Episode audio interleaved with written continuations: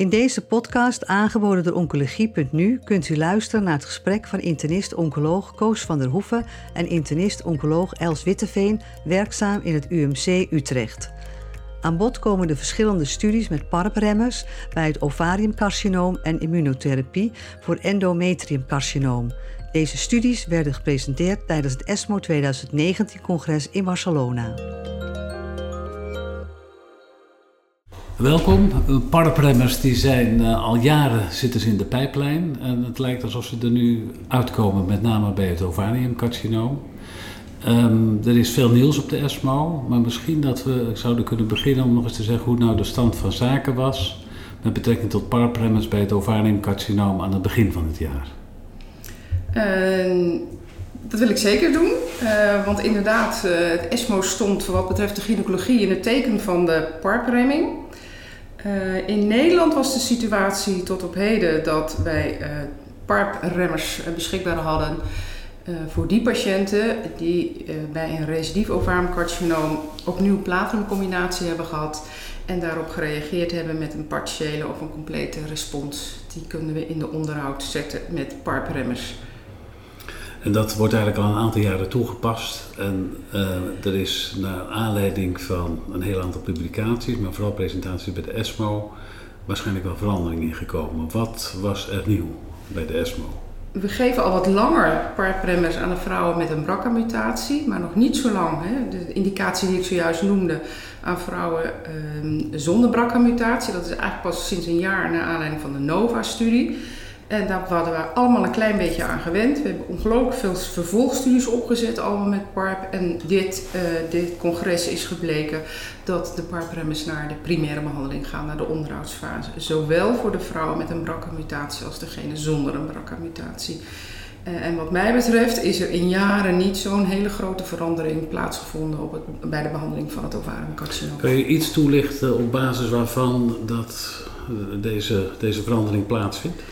Eh, we hadden al uh, sinds uh, vorig jaar de Solo 1-studie. Dat was in de groep van vrouwen met een BRCA-mutatie die onderhoudsbehandeling kregen met een PARP-remmer.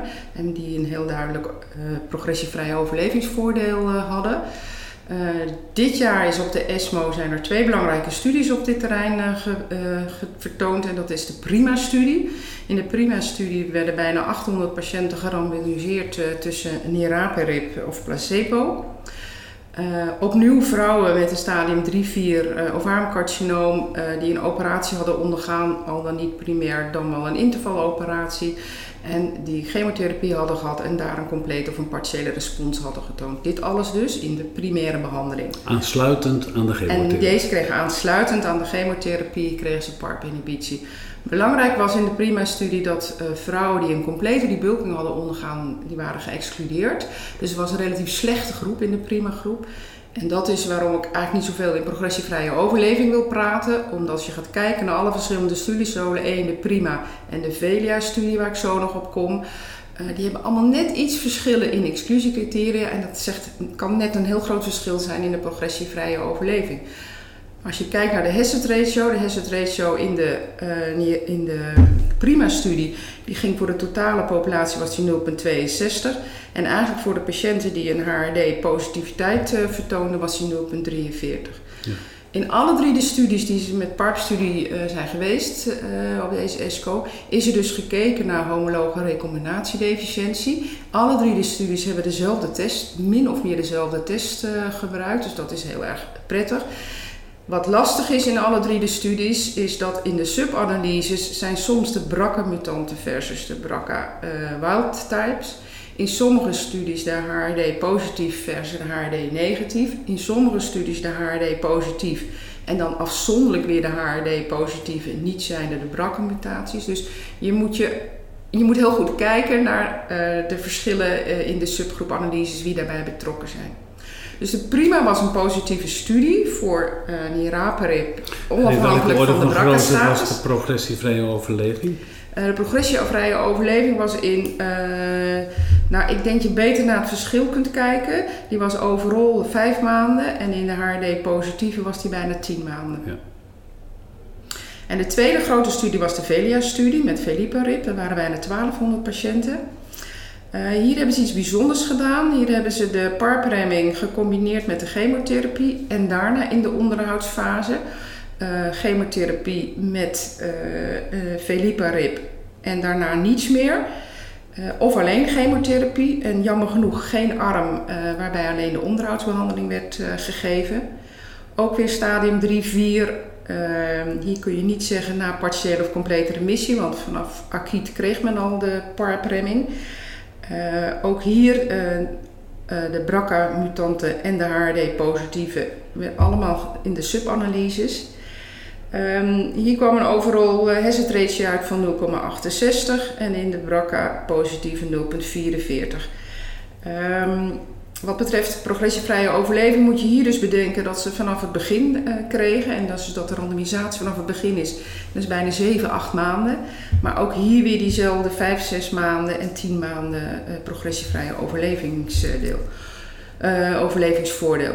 Opvallend was dat de arm die alleen maar velaperib tijdens de uh, chemotherapie kregen.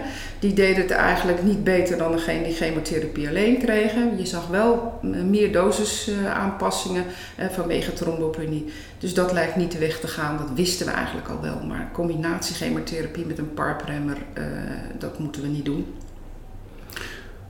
Als je al deze gegevens, deze nieuwe gegevens op een rij zet, dan laten ze eigenlijk allemaal winst in progressievrije overleving zien wanneer er een parpremmer wordt toegevoegd aan de behandeling. Klopt. En lijkt er geen voordeel te zijn om dat tijdens de chemotherapie te doen. Dat klopt. En het voordeel is dus in alle drie de groepen te vinden. De BRCA-mutant, eh, eh, de HRD-positieve en de BRCA-wild-type. En uh, Mansour uh, Mirza, die heeft, Mirza Mansour, die heeft het op een gegeven moment heel mooi samengevat. Die heeft gekeken naar alle hazard ratio's in die verschillende groepen. En dan zie je gewoon dat de hazard ratio heel consistent zijn in de totale groep, in de groep die uh, brakke mutant is en de andere groepen. En de beste groep zit rond de 0,30, uh, 0,35 hazard ratio, 0,40, 0,50. Maar alles blijft beneden de 0,70. En die beste groep, dat is altijd de brakke gemuteerde? Ja. Dat is nog steeds de beste groep. Uh, en als je deze studies nou allemaal op een rijtje zet, dan zeg je dat de BRCA gemuteerde patiënten eigenlijk aansluiten aan de primaire behandeling. Uh, ik zou zeggen ook de HRD-positieve, want dat, zit, dat schuurt heel erg tegen uh, de data aan van de BRCA-mutanten. de, de HRD-negatieve patiënten, die geen enkel teken hebben van reparatiestoornissen. Eh, die lijken het het minst te doen. En in die groep moet je weer nadenken over de derde studie, dat is de PAOLA-studie. Uh, waarin gekeken is naar de combinatie van bevacizumab met uh, een parpremmer in de eerste lijn. Dat is natuurlijk omdat uh, Nederland neemt in deze een bijzondere positie in. We zijn het enige land die niet gekozen hebben, mijn ins nog steeds op terechte reden, voor bevacizumab in de, on, in de adjuvante setting met de primaire behandeling. Alle andere landen wel en die hebben dus heel hard nu nodig die combinatie. Wat is nou beter? Een parpremmer of bevacizumab? Uh, in de Paolo-studie uh, zijn bijna 800 uh, patiënten gerandomiseerd tussen bevacizumab plus of min olaparib, ook weer placebo gecontroleerd. en daar werd een progressievrije overleving gezien van ongeveer 5 maanden. Die ging van 16 naar 22 maanden. dat is 6 maanden. Met een hazard ratio van 0,59. Er waren nog geen overall survival data. Ook hier was de trend dat brakke mutanten het natuurlijk het beste deden. En hier was opvallend dat in de HRD-negatieve groep was er echt geen enkele winst te, eh, te behalen. En die was er nog wel in de HRD-groep, eh, maar dan niet zijn de brakke nog wel. Dus hier zag je weer dezelfde trend zie je steeds terugkomen. En hier zag je, en hier, komt dus misschien, ja, kun je je afvragen of in die HRD-negatieve... Uh, ja, of je misschien toch beter weer naar de bevacizumab uh, kunt kijken. Maar het is ook weer lastig vergelijken, want qua in- en exclusiecriteria was het, waren er toch ook weer wat bijzonderheden die je toch niet weer helemaal kunt vergelijken. En in de Nederlandse situatie weten we het niet, want in de Paola-studie zat geen arm zonder bevacizumab. Als we nou naar de Nederlandse situatie gaan kijken, is van alle patiënten in Nederland met een ovariumcarcinoom op dit moment de BRCA-status en de HRD-status bekend? Uh, de BRCA-status wel, althans mag, mag ik wel hopen. want eigenlijk al voordat we PARP-inhibitie hadden, was de Nederlandse richtlijn uh, dat je een BRCA-status uh, bepaalt bij alle patiënten bij wie de diagnose ovariumcarcinoom krijgen. En ik denk dat dat eigenlijk wel grotendeels het geval is. Ik denk nog niet dat het 100% is. Um, je ziet toch dat toch een aantal klinieken nu nog wat achterlopen nu ze merken dat het ook belangrijk wordt voor de therapie, dat ze wat sneller daarop gaan uh, acteren. Ja, want als je terughoudend bent met deze data, dan zou je zeggen, ja, de BRCA gemuteerden, die moeten eigenlijk zeker hiervoor in aanmerking komen. En je zou bij de niet BRCA gemuteerden, zou misschien nog wat terughoudend kunnen zijn, maar HRD speelt ook een belangrijke rol. Dus dat moet je eigenlijk weten. Dat moet je eigenlijk gaan weten. En die zit er nog niet standaard in. Uh, nou, die test, uh, ik denk dat we dat moeten gaan doen. Maar ik denk dat je, ja, die test die in alle drie de studies gedaan is, die is er. Dat is een mooie valide test, uh, die Myriad-test. ik denk, ja, ik ben altijd erg voor om dan wel conform de studies te handelen. Dus ik denk dat je dat zal moeten gaan doen. Ja, ik denk dat je het voor alle patiënten die HRD-test moet gaan doen, omdat ik wel zie dat de HRD-positieve bijna net zoveel winst hebben als de BRCA-mutanten. Ik denk dat de discussie gaat over de HRD-negatieve. Nou, ga je uh, morgen terug naar Nederland en hoe, hoe, gaan we het dan doen? Uh, nou ja, om te beginnen uh, is, uh, we hebben nog pas alleen maar de middelen geregistreerd en vergoed in de recidiefbehandeling. Uh, olaparib, zoals conform de Solo 1, is eenmaal goedgekeurd, maar wacht op vergoeding, zit in de sluis. Uh, dat gaat natuurlijk ook met niraparib uh, gebeuren. Ik denk dat de EMA-goedkeuring snel zal gaan, want het is een, niet een nieuw middel, maar het is een uitbreiding van indicatie. Uh, en dan gaat het de sluis in. En dat vind ik op dit ogenblik best wel een probleem. We hebben echt voor veel minder kleine verschillen uh, zijn we heel hard aan werk gegaan. zijn eigenlijk robuust. Ja, ja dus dit ja. zijn echt hele robuuste data. Nou gaat het bij al deze dingen om uh, progressievrije overleving en we hopen dat dat zich op een gegeven moment ook gaat vertalen in overall survival. Nou is de HIPEC-behandeling voor patiënten die goed gedebuld kunnen zijn ook een middel om die progressievrije overleving te verlengen en zelfs ook om de overall survival te verlengen. Hoe zou je de HIPEC nu af moeten zetten tegen de mogelijkheid van behandeling met parpremming? Um, nou, de HIPEC is op dit ogenblik natuurlijk alleen nog maar voor de intervaldebulking en dat hier de OVPEC 2-studie gaat lopen om dat ook in de primaire cytoreductie uit te zoeken. Um, ik denk dat de mechanismes elkaar niet in de weg zitten. Dus ik denk iemand die HIPEC heeft ondergaan bij een intervaldebulking uitstekend onderhoudsbehandeling met niraparib kan zijn. En ik denk dat het wel dat het additief zal, zal zijn. Dat moet natuurlijk blijken. Maar... Het moet, moet blijken. Het lastige van ja, die overall survival gaat natuurlijk nooit zo duidelijk worden. Want we hebben, ze, we hebben toch echt wel steeds meer middelen nog maar even los wat er aan gaat komen met immunotherapie. Nog niet zijn rentree, maar dat, dat zal het, de volgende stap gaan worden bij het ovariumcarcinoom. Uh, dus of de overall survival data het überhaupt zullen gaan laten zien, de verschillen, dat, dat, dat moet nog wel blijken. Dan zijn er voor de parpremming zijn er wel vier middelen beschikbaar. Ja. Niet allemaal beschikbaar, maar ze zijn wel uitgezocht. Hoe, hoe moet dat? Is er, is er een voorkeur op basis van toxiciteitsprofiel voor de een boven de ander? En er zitten verschillen in. Ze zijn beslist niet hetzelfde, de parpremmers. Ik denk dat dat uh, te makkelijk op één hoop gegooid wordt. Dat is niet zo. Uh, nogmaals, zowel toxiciteit, waarbij de een meer gastrointestinale klachten staat, de ander de BMR-toxiciteit nog op de voorgrond. Als je goed gaat kijken naar PK en PD-data, zit er, zit er echt verschillen in. Um, eh, voor olaparib uh, dan heb je een SIP-enzyme nodig. Dat heb je niet voor niraparib, dus dat, dat, dat kan meespelen. En als je gaat kijken naar de distributieverdeling, is, is, is niraparib heeft een veel grotere distributie en het bereikt veel hogere doseringen. En spiegels. Dat, spiegels, ja. En dat zou misschien wel eens het verschil kunnen zijn waarom, hè, want ook in de, de, de olaparib versus niraparib, dat niraparib effectiviteit laat zien bij de brakkenwoud type. Omdat ze veel, mogelijk uh, hogere doseringen, hogere spiegels in de tumor weten te bereiken. Beetje, maar dat is speculatief. Zou kunnen. En als een patiënt nou mij daarna vraagt wat moet ik, een onderhoudsbehandeling betekent natuurlijk dat je een hele tijd die medicijnen moet slikken. Wat merkt een patiënt er daar nou van als die dat slikt? Ehm, nou, ik heb ervaring met olaparib en uh, niraparib. Uh, olaparib is gelukkig nu ook gewoon in tabletvorm en twee keer daags beschikbaar. Hoeft niet nuchter te worden ingenomen. Dat was natuurlijk met de capsules een groot probleem. Dat is nu niet meer het geval. Uh, de niraparib is één keer daags een tablet. Ehm, bijna alle patiënten moet je even door de eerste zes weken heen praten. Dan hebben ze klachten van moeheid, toch wel wat vage misselijkheidsklachten, het wennen aan het ritme.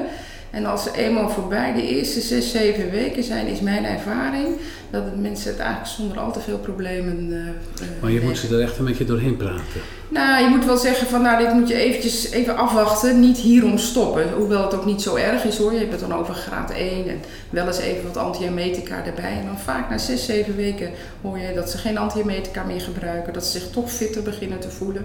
Ja. Ja, dus het gaat eigenlijk ook gepaard met een goede kwaliteit van leven. Ja, maar dat komt ook eigenlijk uit alle drie de studies. Er echt geen nieuwe safety issues, uh, kwaliteit van leven, geen verschil. Nee. Dus de conclusie is eigenlijk dat er in de eerste lijn, aansluitend aan chemotherapie en operatie bij patiënten met een ovariumcarcinoom, een parapremmer overwogen moet worden. En dat de BRCA gemuteerden daar het meeste baat bij hebben. Ja. Oké. En dat gaan we snel met elkaar. Ik denk dat we er met elkaar over moeten praten om dat snel te regelen. Gezien uh, ja, de robuuste data en de grote verschillen. Het gebeurt niet vaak dat die verschillen zo groot zijn. We doen het vaak ja. wel minder. Ja. Nou, belangrijk. Uh, ik wilde een stapje maken naar het eh, endometriumcarcinoom. Er zijn bij de behandeling van het endometriumcarcinoom bij de ESMO nog interessante gegevens gepresenteerd. Um, ik denk bij het endometriumcarcinoom gaat natuurlijk alle aandacht uit wat immuuntherapie gaat doen. omdat we weten dat uh, van de gynaecologische tumoren is het endometriumcarcinoom het type kanker wat het hoogste MSI-status heeft. Dus daar werd de verwachting eigenlijk het hoogst. Tot op heden overigens doet de immunotherapie het maar matig uh, in de gynaecologie. Um, Geldt dat ook voor de MSI uh, en de endometriumcarcinoom? Nee, die uitzondering wou ik nu gaan maken. We weten uit, het, uit de grote uh, uh, de keynote-studie, de basket-studie, waarin het cohort met de MSI high endometriumcarcinomen pembrolizumab kregen, een goede respons en met name durable respons. Dat is natuurlijk wat je allemaal ziet bij de immunotherapie. En uh, daarop is er een uh, indicatie gekomen in de, voor pembrolizumab van de MSI-tumoren breed, waaronder dus ook het endometriumcarcinoom. Um, en heel bijzonder is, en dat heeft zich niet tijdens, net voor ESCO afgespeeld, is dat op basis van de, de keynote, nee, niet de keynote, moet ik het eventjes goed zeggen. Ja, de keynote 146 is een fase 2 studie waarbij pembrolizumab gecombineerd wordt met lenvatinib. Uh, wat, waarom doen ze dat? Juist omdat die uh, responspercentages in de monotherapie zo tegenvielen, is men naar combinatietherapie gegaan. En uh, in de keynote 146 hebben ze dus pembrolizumab met lenvatinib gecombineerd. Daar werd een hele goede respons gezien uh, en de progressievrije overleving mediaan is nog niet bereikt. En het bijzondere wat hiervoor gebeurd is, is dat op basis van die fase 1-2 studie in uh, de US, Australië en Canada een gezamenlijke FDA-approval is gekomen. Ik vind dat op zich best wel bijzonder op een fase 1 1-2 studie. Ja. Hier op ESMO is de, de, de fase 2 met uh, wat groter aantal patiënten uh, gepresenteerd. En um, dat zijn dus patiënten die al meer dan twee lijnen chemotherapie hebben gehad. Wat al bijzonder is, want eigenlijk kennen we alleen maar platinumcombinatie. Uh, en die toch een overal uh, respons van 29% wilde lieten zien. En ook nog een hoge responsrate in de MSS, dus in de stabiele patiënten. En dus op dit ogenblik heb je in uh, Amerika voor de MSI-high uh, pembrolizumab monotherapie. En voor de MSS heb je dan de combinatie van pembrolizumab en lenvatinib. En dat laatste is er dus uh, niet in Europa. En dat zal er ook niet komen totdat er een fase 3 is, waarbij er een controlearm... Zouden er nog meer dingen zijn die over het endometriumcarcinoom naar voren wil brengen naar aanleiding van de ESMO? Nee, het was eigenlijk dit uh, nog een aantal fase 1, 2 studies over allemaal combinaties, maar niets wat al zover is dat het uh, de kliniek uh, inkomt. Allemaal hypothese genererende studies. En iedereen in afwachting van of grotere gerandomiseerde fase 2, 3 studies. Dus dit jaar baanbrekend werk over parapremmers, dat echt wel practice changing kan zijn. En het overige zal het nog wat langer duren voordat we daar verder mee kunnen. Maar de MSI High endometriumcarcinoom gemetastaseerd. Dat is wel een groep patiënten die ook van een immunotherapie baat kan hebben. Ja. En waarvoor mogelijkheden in Nederland ook te vinden zijn. Ja. Dankjewel. Graag gedaan.